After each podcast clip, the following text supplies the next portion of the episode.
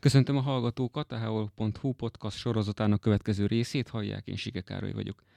A vendégem Paulovics Zsolt, akit egyrészt ismerhetünk kézilabdajátékvezetőként, sportszervezőként, másrészt hegyi túravezetőként is. Ez utóbbi adja most a beszélgetésünk apropóját. A nyáron elég sok időt töltöttél távol. Merre jártál Zsolti? Mit lehet tudni az elmúlt időszakról? Hú, elég hosszú volt a nyár, de ezáltal rövid is, mert gyorsan elment, mert elég kiadós és hosszú volt. Hát kezdtem európai hegyekbe, a olasz alpok és a osztrák alpok, de ez csak ilyen akklimatizációs túraként, és utána elmentünk Ekvádorba, az Andokba. És ott vulkánokat másztunk, működőt is, aktívat is, és már nem működött, kialudtat is. Azon kívül jártunk a Kaukázus hegységbe, és a Pamír és az Alaj hegységbe, Ázsiába. És milyen indítatásból indultatok el? Hát ez, ez Kalandvágy? Hát nyilván ez is benne játszik. Régi álbum volt már, hogy eljussak a Csimborasszóra, ami a világ egyik legnagyobb hegye, attól függ, hogy milyen szempontból nézzük. Ugye az ekvádoriak ma is azt mondják, hogy a legmagasabb hegy a világon. Igen, mert hát ugye a föld középpontjától ez a hegycsúcson a legtávolabb, távolabban, mint ugye a Monteverest, és ők ma is büszkén vallják, hogy ez a világ legnagyobb hegye. De ugye, hogyha a tengerszintől nézzük, akkor a, a Monteverest, de van egy másik szempont is, hogyha a lábától a tetejéig, az pedig a Mauna Kea a Havajon. Tehát ezek csak számmisztikák, de nagyon sokféleképpen lehet nézni, hogy melyik, melyik éppen a legnagyobb hegy. De nyilván hegymászó szempontból a Monteverest számít a királynak. És milyen csapattal jársz, hogy mit lehet tudni azokról, akik veled mennek, kísérnek? Hát eh, ők is hegymászók, hát szervezett túra, ugye, és akkor erre jelentkeznek, és akkor megyünk. Nyilván, hogy kell, hogy legyen előéletük, mert aki még nem volt csak a bükkbe, az nem kezd 6000-en, ugye, mert a fokozatosság azért az számít. Tehát aki csak 2000-en volt, még az se, aki már megjárta a 3-4-5 ezreseket, az, az már jöhet. Mondhatjuk, hogy nem most kezdted ezt a pályát. Mióta tart nálad ez a, mondhatjuk úgy, hogy szerelem? Mik voltak az első élmények a hegymászással kapcsolatban? Hát ez már 35 éve tart. 20 évesen idősebb barátaim kivittek a svájci Alpokba, és akkor a szám így tátva maradt, és ez a szerelem azóta is tart. Ide is tovább. Már most már több mint 35 éve. Uh-huh. És milyen gyakorisággal indultok útnak? Évente, vagy esetleg gyakrabban? Hát ilyen, ilyen nagyobb lélegzetvételűre, ugye évente, hát nyáron, mert akkor van hosszabb idő, de minden hónapban, vagy minden évszakban megyünk legalább kétszer. Ősszel, télen, tavasszal, de van, mikor nem is kétszer, háromszor is. Tehát ez egy negyed évente, kétszer-háromszor megyünk. Uh-huh. És milyen fel, említetted az, az imént, hogy aki mondjuk a bükkbe jár, csak annak nem feltétlen ajánlott egy ilyen nagy kihívás. Milyen előkészületekkel jár az, vagy milyen felkészülést igényel, hogy valaki hegymászó legyen, vagy alapvetően csak el tudjon indulni veled egy, egy ilyen ehhez hasonló túrára? Hát, ahogy mondtam, hogy azért fokozatosság elve a számít. Hát én is a bükkbe kezdtem, aztán utána ugye lett a Tátra, aztán az osztrák alpok, svájci alpok, kaukázus, és akkor így lépcsőről lépcsőre. Hát nem hosszú, hosszú az út, de nyilván kell is, mert hát aki még nem járt a, csak a bükkben, a tátrában, hát mondjuk Gletscheren se járt, nem tudja a Gletscherjárásnak a körülményeit, nem, nincs benne tapasztalata, hát ezeket is meg kell tanulni, fel kell venni, meg hát ugye a sziklamászás, ami lehet sziklamászás is benne, el kell végezni például egy, egy alapfokú sziklamászó folyamat, az már nagyba segít, hát is végig kell járni így a lépcsőket, van nyári magashegyi tanfolyam, téli magashegyi tanfolyam. És akkor így az ember így sorba veszi fel magára ezeket a tapasztalatokat és ismereteket, és akkor utána már lehet menni. És akkor ez mondhatjuk, hogy ilyen mindennapos edzést igényel? Hogy mondjuk az ember legyen egyfajta fizikai állapotban, az fontos, de hogy, hogy elegendő ehhez az, hogy hegyet mászon az ember időről időre, vagy, vagy másfajta fizikális felkészítés is kell. Nem tudom, hogy konditerembe jár az ember ilyenkor, vagy, vagy elmegy futni, vagy, vagy, vagy bármilyen hasonló. Hát nyilván, aki egyszer-kétszer megy, annak nem kell olyan állandó edzés, de azért a túrák előtt jó, hogyha túrázik, egy kis futás. Hát én magam úgy készülök, hogy rendszeresen futok, terepen, aszfalton, hát napi szinten, kivéve a nyár, mert nyáron a hegyekben vagyunk, de ha vége van a nyári szezonnak, akkor egy olyan 80-120 kilométert futok nap, na, hetente, aszfalt, de főleg terepen. És ez, ez segít ebbe a felkészülésen, de önmagában a futás nem elég, kell túrázni is, menetfelszereléssel, tehát azt is, hogy a váz, meg az izomzat, ez szokja. Uh-huh. A futás önmagában nem is biztos, hogy csak elég, de járni kell rendszeresen túrázni. Hát egyfajta állóképességet kap az ember. Persze, persze, hogyne, hogyne. Csak a, a túra meg a, meg a menetfelszerelés, tehát néha 20-30 kilóval megyünk, azért az fontos, hogy azt uh-huh. az ember szokja. És ugye mondtad, hogy több évtizede tart már ez a, ez a szerelem, illetve a, a hegymászás. Ki tudsz esetleg emelni az elmúlt évtizedekből olyan ö, hegyet, vagy olyan túrát, ami, ami azt mondod, hogy a mai napig emlékezetes, és így bármikor szívesen anekdotázol róla. Most van idő. az a baj, hogy mindegyik hegy ilyen. Nincs olyan, ami, ami ne emlékeznék szívesen, és ne adna mindig pluszat.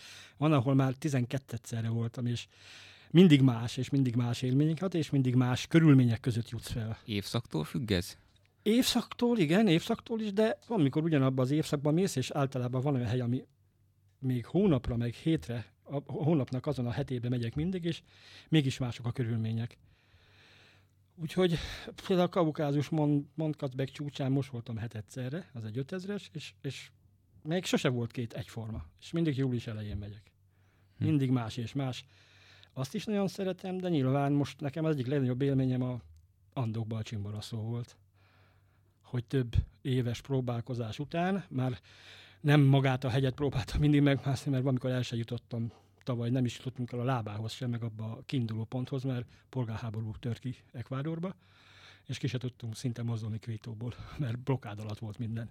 Azért ezek a helyzetekre nem, nem lehet felkészülni. Gondolom, hogy azért ilyenkor, hogyha az ember nyilván készít egyfajta forgatókönyvet, hogy hogyan képzeli el a hegymászást, aztán közben jön egy-két ilyen váratlan dolog, amikkel szembe kell nézni. Gondolom, hogy akkor nem ez volt az első ilyen eset, hogy váratlan dologgal találtátok szembe magatokat. Hát igen, mindig van B-terv, meg C is, főleg a hegyen, mert ott is vannak váratlan dolgok, amikor elmész, és akkor sajnos az időjárás, vagy az ottani körülmények egy kőomlás, vagy éppen kitör a vulkán, mert volt ilyen is úgyhogy akkor fel kell készülni B, meg C forgatókönyvekre. És akkor mit csináltok? Elmegyünk egy másik hegyre. Csak akkor hirtelen gyorsan meg kell szervezni, nincs rá idő, mert ugye engedélyek kellenek, meg e, ilyen dolgok, meg ugye szállás, ugye a menedékházak a hegyen, de hát hogyha szerencsénk van, akkor meg lehet szervezni, így gyorsan is.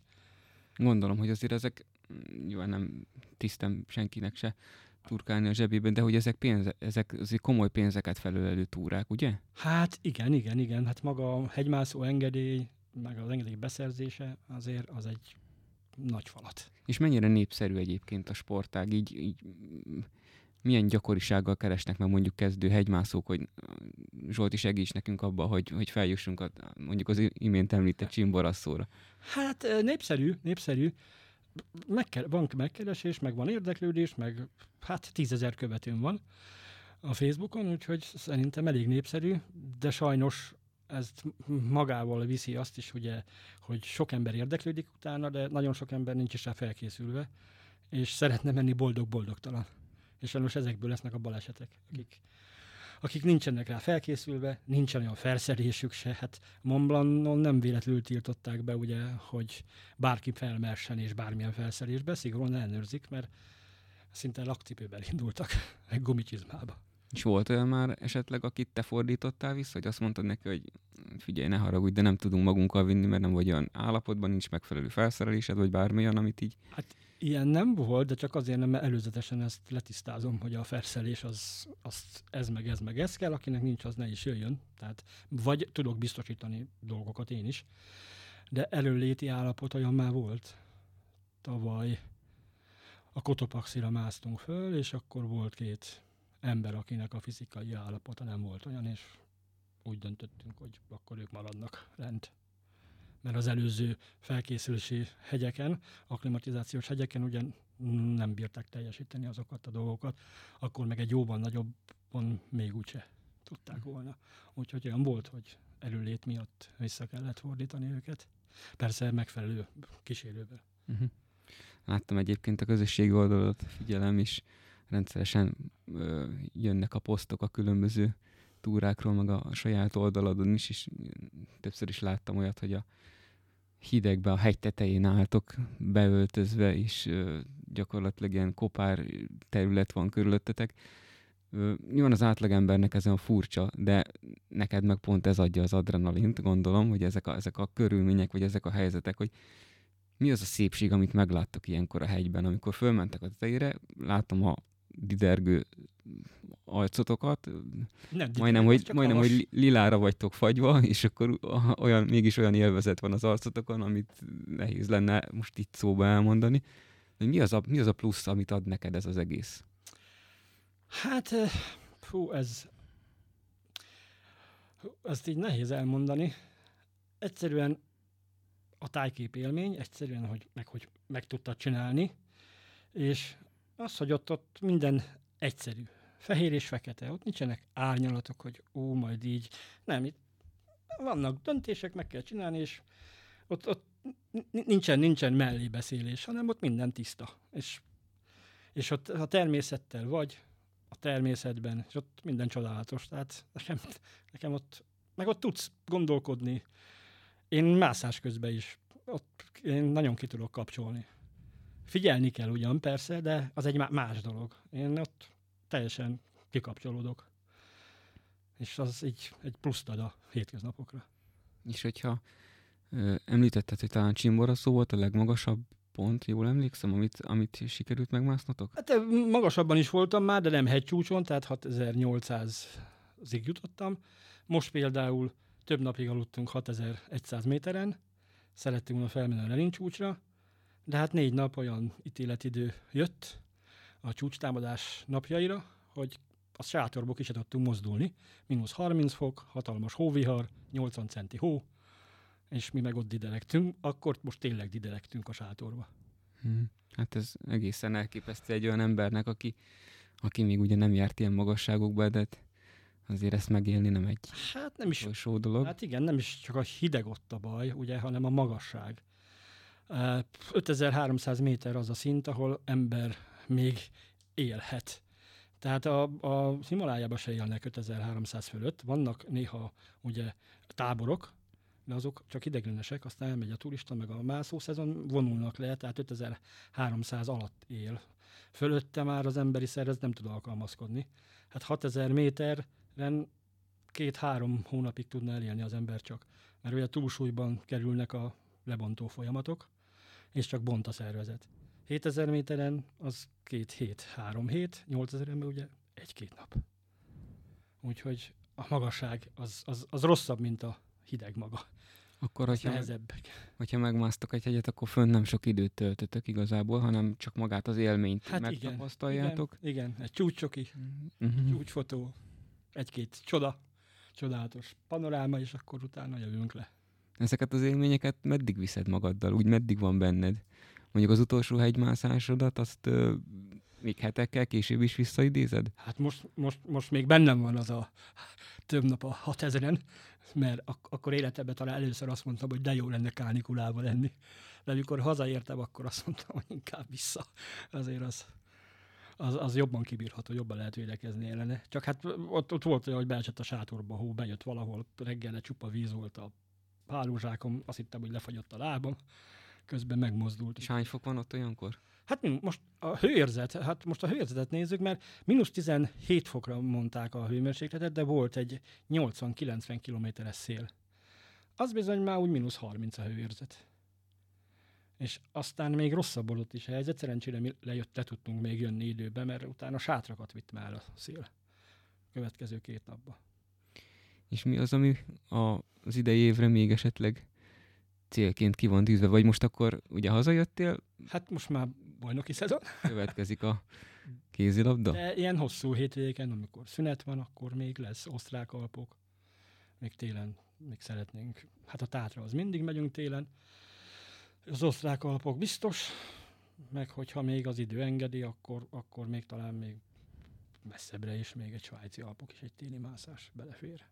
És akkor ugyanúgy majd jövőre lesz megint Andok, Kaukázus. Mikor lehet jelentkezni? Hát, egész évben. Hát szeptemberben lesznek meg az időpontok, szeptember végén, Uh-huh. és utána, utána már szabad. És a következő évekre valami nagyobb történet kitűzve? Hát az Andok az, az él, a Csimborosszó újra, de mellette még más két hegy is lesz, újabbak.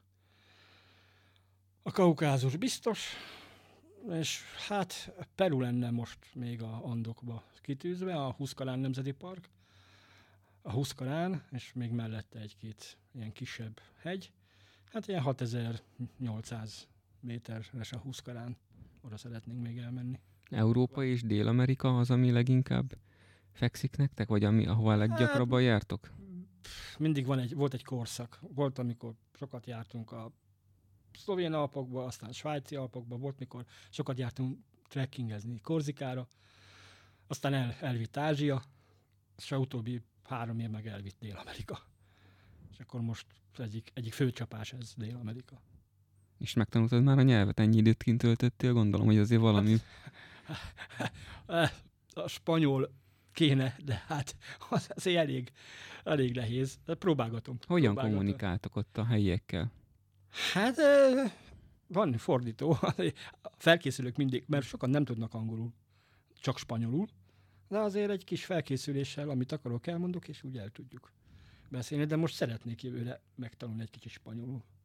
Majd most rá fogok feküdni, mert most már ez a sokadik út lesz, és most már illő lenne. Értem. És ö, akkor egy picit beszéljünk a kézilabdáról is. Most ugye a egymásról szezont talán egy picit lezárhatjuk, de ahogy említetted, még azért lehet ebben az évben érdekesség.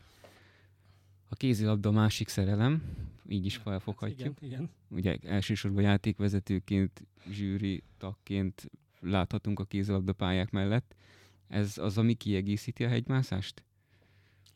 Hát a lelkemben igen, persze, ez mindenképpen. Rég, régóta üzöm már ezt, ez is már szerintem lassan 30 éve. 90-ben vizsgáztam, és azóta folyamatosan. Ott vagyok a pályákon, egyszer már vissza is vonultam, ugye a korhatár miatt, aztán jött a, jött a visszaemelték a kor, és akkor újra elkezdhettem egy év kiadás után. És mi az, ami ebben a leginkább vonzó neked a játékvezetés? Az, hogy Hát a, szerintem a, a játékvezetés meg, hogy az a 30 év, hogy felnőtt egy-két generáció velem, ugye játékosból mára már edző lett, végig vezettem nekik mérkőzéseket, és végig nőttünk fel, ugye, meg végünk, végig fejlődtünk itt a sportban, és most már ilyen sportbarátságok miatt ez nagyon szép, hogy elmész, és akkor már nem úgy fogadnak, hogy hülye játékvezető. Ez a hosszú év után, hanem igen, tényleg barátságok alakultak és most már a barátot látják bennem, nem csak a játékvezetőt. És ez, ez ilyen szép, szép. Ez, ez, ez nagyon szomorú volt, amikor abba kellett hagyni arra az egy évre, pont ezek miatt. De hogy újra kezdhettem, ez így most teljesítette a dolgokat. hát reméljük, hogy még nagyon sokáig látunk a kézilabda pálya mellett is, meg hát a hegyekből is egészségesen is boldogan jössz majd haza. Úgyhogy köszönöm szépen a beszélgetést, örülök, hogy itt voltál. Szívesen máskor is. Sok sikert kívánok a következő időszakra is. Oké, okay, köszönöm szépen.